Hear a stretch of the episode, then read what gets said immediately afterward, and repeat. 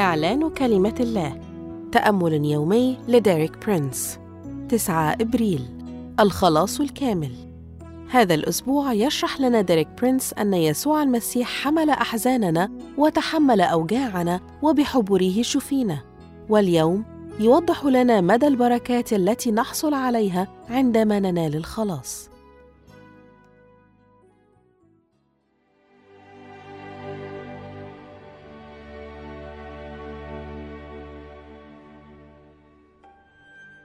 الولادة الثانية. هي اختبار فريد نمر به مرة واحدة في الحياة. ويعد شرطا لكي نرى أو ندخل ملكوت الله.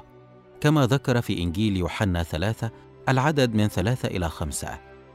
أما الخلاص فهو ليس اختبارا يحدث مرة واحدة وينتهي. الخلاص هو عملية مستمرة نحصل من خلالها على كل البركات التي وهبها لنا الله. والمعمودية هي جزء من الخلاص. ولا أريد أن أثير جدلا في هذا الشأن حيث يمكنك أن تولد ثانية بدون أن تعتمد.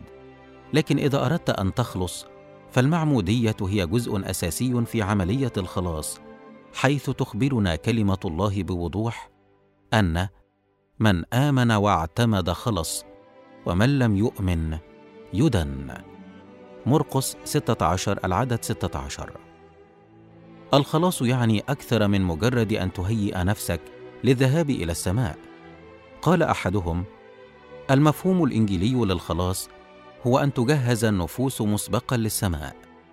قد يكون ذلك صحيحا إلى حد ما ولكن الخلاص يشمل أكثر من ذلك بكثير. الكلمة اليونانية المترجمة في اللغة العربية الخلاص هي كلمة سوزو. دعونا ننظر إلى بعض استخدامات هذه الكلمة في العهد الجديد لتوضيح ما يشمله مفهوم الخلاص.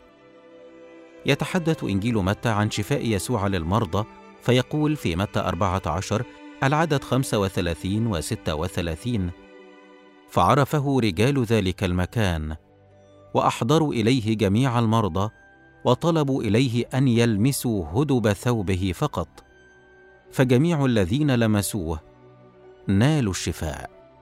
الفعل اليوناني المستخدم لنالوا الشفاء هو سوزو ولكنه مسبوق بحرف جر يوناني يعني تماما.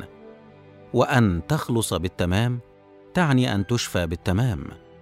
هذه الفقرة لا تتحدث عن حالة النفس فقط إنها أيضا تتحدث عن الذين يعانون من أمراض الجسد. وكل من لمس يسوع خلص بالتمام. فما هو مقدار خلاصنا؟